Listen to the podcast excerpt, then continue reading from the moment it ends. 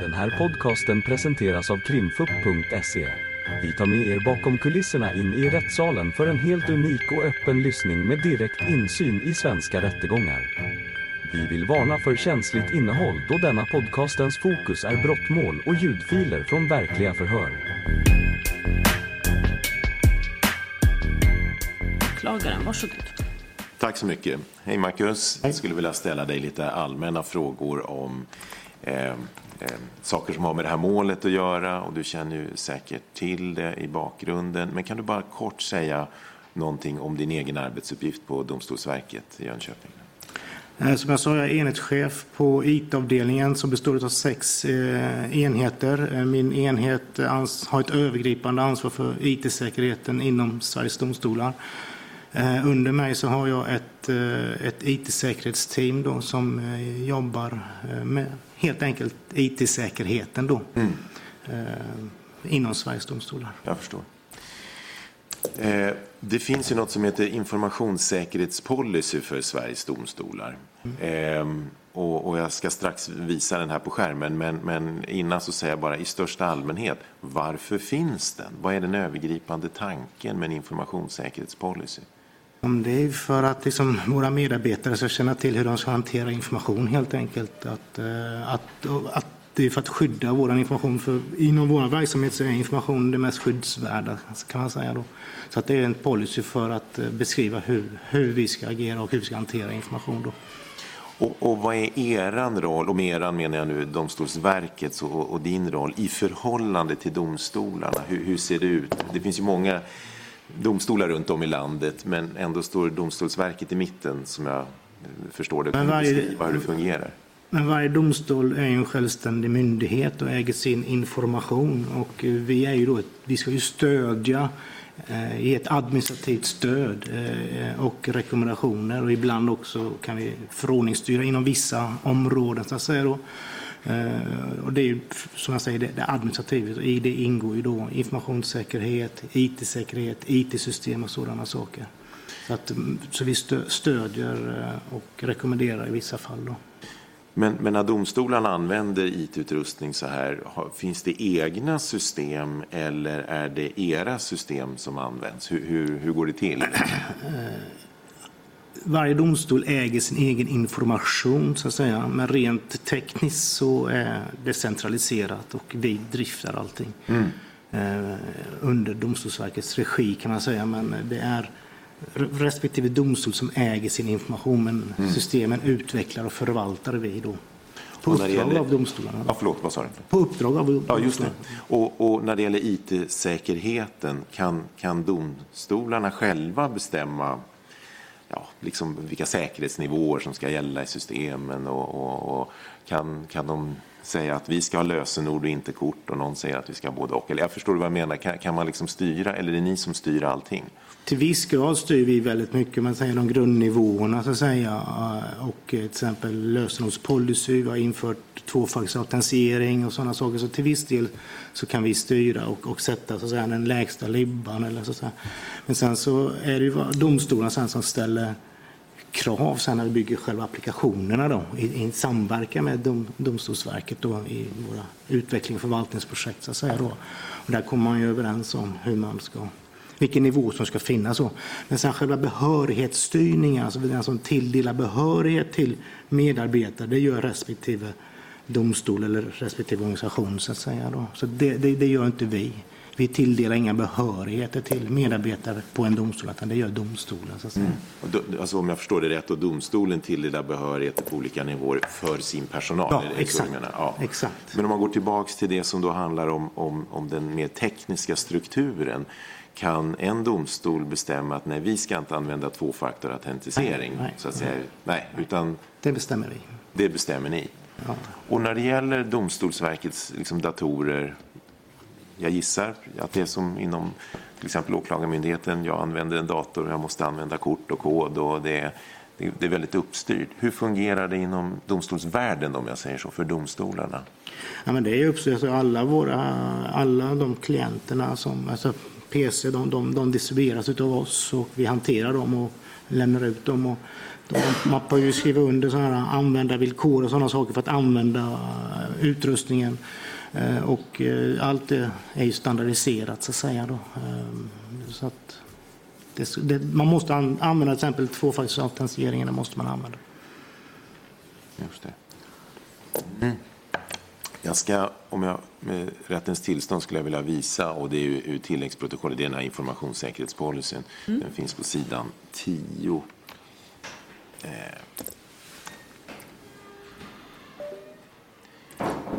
vi se. Eh. Ja, och jag, jag, drar upp här så du ser vad det är för handling. Det står så här då, informationssäkerhetspolicy vid Sveriges domstolar. Känner du igen handlingen? Ja. Eh, det, det, finns en del som jag har strukit under i gult här under rubriken mål så står det i gult här då några rader ner. Informationen ska endast vara tillgänglig för behöriga och skyddad från obehörig insyn och åtkomst. Nu är det här en målsättning, men vad innebär den i praktiken? Ja, men det innebär att eh, som medarbetare ska du ha, liksom, du ska inte ha mer information till dig än vad du behöver i ditt arbetsutförare egentligen. Det är egentligen det det innebär då. Va? Eh, och, eh, så att man ska vara begränsande i sin eh, behörighetstillgång helt enkelt. Det, det, det är det det innebär. Mm. Och när det gäller den enskilde användarens så att säga, förpliktelser, hur, hur styr ni upp det? Jag kan säga det är ingen, det är, det är ingen hemlighet. Jag har visat här att man får skriva under en sekretessförbindelse på mm. domstolen. Och så. Men hur förhåller sig den till de här övergripande målen och användandet av de fysiska apparaterna? Nej, men jag, det är väl sagt att, att dels så får man ju skriva under de här det, användarvillkoren och, och, och, det innebär ju det att man ska liksom, man har ett ansvar för det man gör så att säga, hur man hanterar informationen och så. Och, och, det jobbar vi ju generellt med, kanske inte med skrivelser på det sättet, men vi jobbar mycket med utbildningar, vi jobbar med att liksom, se till att man ska vara medveten om att, att hantera informationen varsamt. Liksom det ligger i yrkesrollen, det ligger i att vara statsanställd så att säga. Då, va? Så att det, det, det, är mer den biten så att säga, tänker jag. Mm.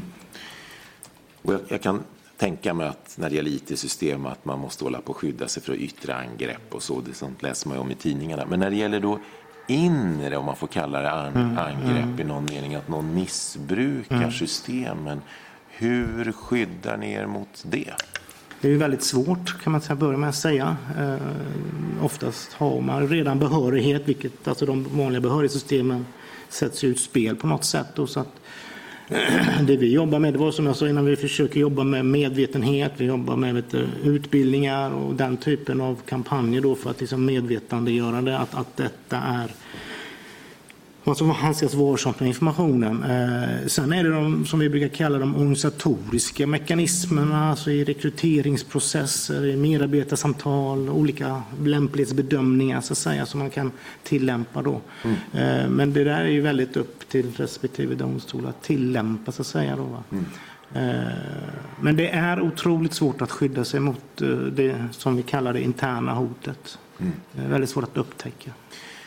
Jag har ju lagt eh, Sibel Karan till last här, olika gärningar, men om, på ett mer generellt plan om man säger att en, en anställd, och, och, och, om jag tar delar av, av den gärningsbeskrivning jag har lagt henne till last, handlar ju om bland annat att hon skulle ha upplåtit sin dator åt någon annan, mm. eh, inloggat och klart. Så att säga. Mm. Går det att skydda sig mot det rent IT-tekniskt?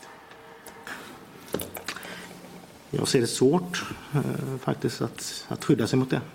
Mm. Eh, sen kan man säkert göra mer än vad vi har gjort, absolut. Det, det, det är så, men eh, det, det som jag sa, det, det, är redan en behörig medarbetare så att säga, som, har, som, som har agerat här. Då, mm. så att, eh. Men det, finns ingen...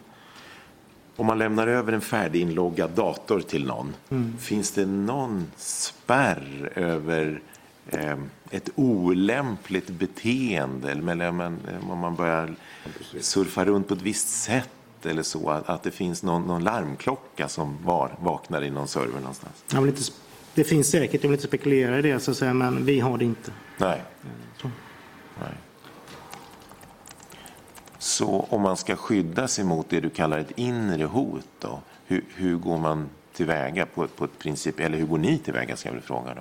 Eh, Eh, nej, men det är som jag sa innan att, att vi, detta har ju till början blivit en väckarklocka för oss att säga, så att vi måste ju titta över olika, olika, om vi kan höja IT-säkerheten på olika sätt.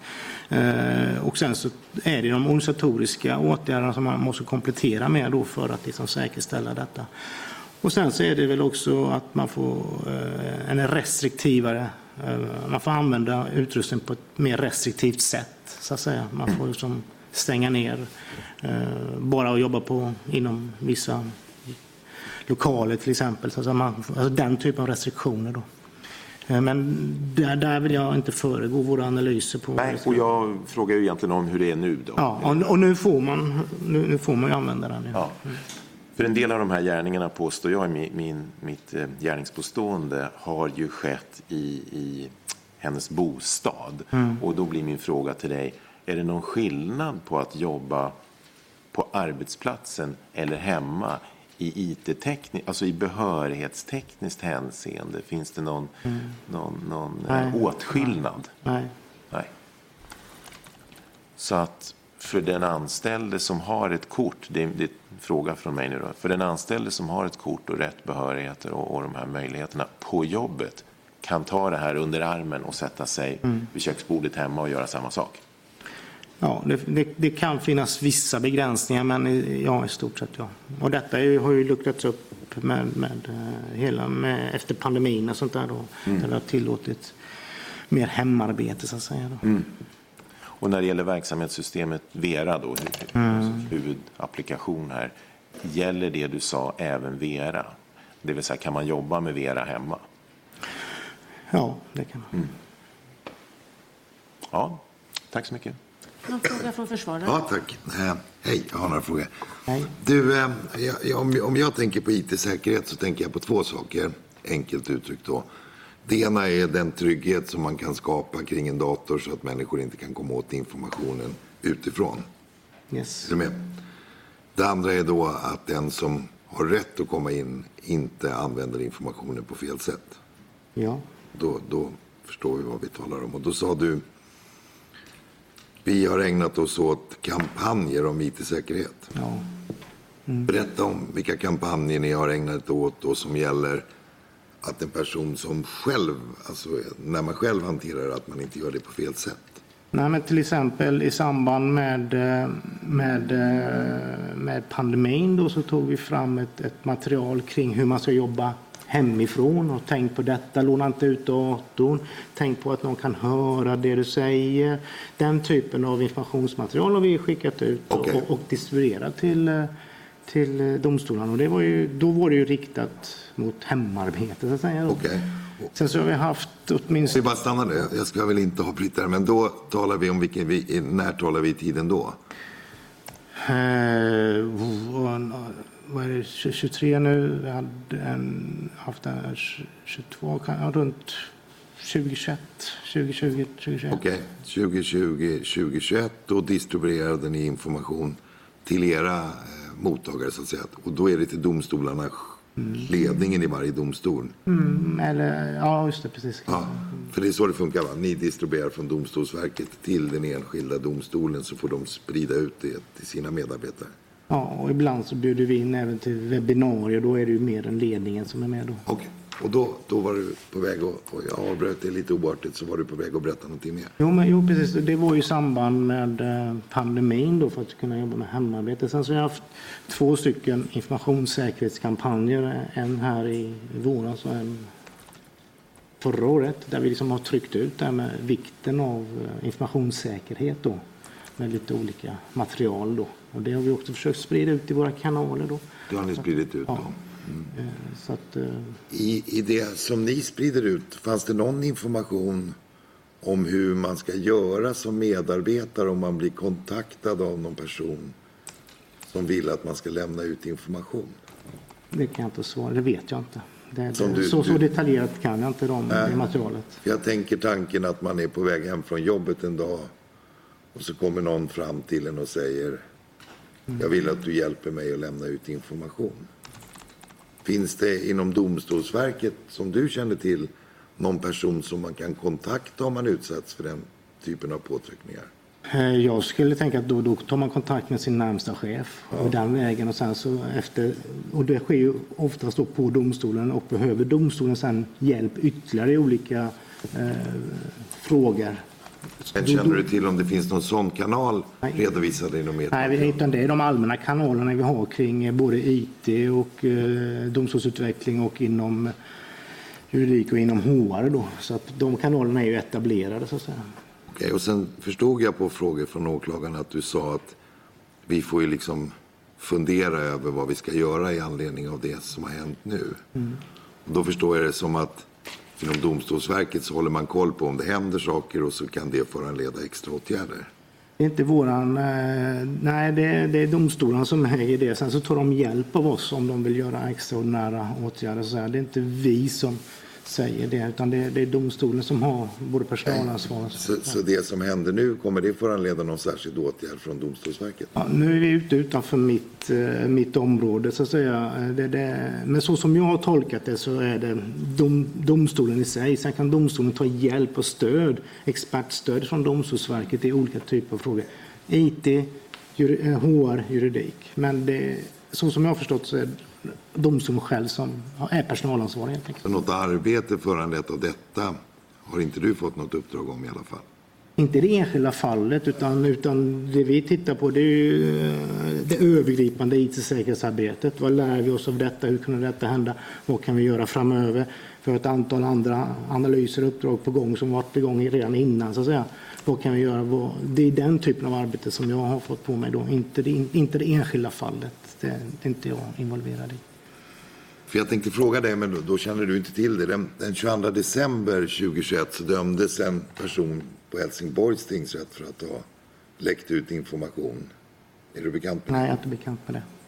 Så det är i alla fall ingenting som har studsat upp till dig? Inte till mig, men sen finns det andra, andra funktioner inom Ja. Domstolsverket. Så att säga. Jag, jag representerar IT, IT-säkerhet. Så att säga. Så, att, att eh, det har den frågan har i alla fall aldrig hamnat på ditt bord Nej, som IT-säkerhets, i ditt IT-säkerhetsarbete? nej. Okej. Ehm. Så när du talar om det interna hotet då, som jag väl uppfattar det, som att det finns risk att man vidarebefordrar information från systemet Vera eh, inom ramen för sitt arbete.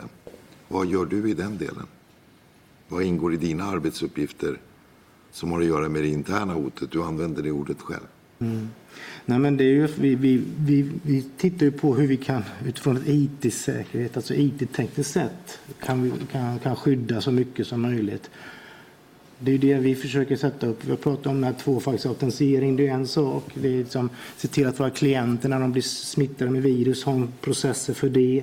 Alltså den typen av grejer försöker vi jobba med hela tiden för att hela tiden bli bättre så att säga. Det som har med själva datorn att göra. Ja, inte, så datorn mycket att med, göra. inte så mycket med användaren. Nej, nej. Ja, men då, har jag Och även IT-systemen då. ja, då har jag inte så mycket mer frågor. Tack. Någon ytterligare fråga från Nej, åklagaren? tack. Då är förhöret slut. Ni har lyssnat på ett avsnitt av Krimfupps podcast.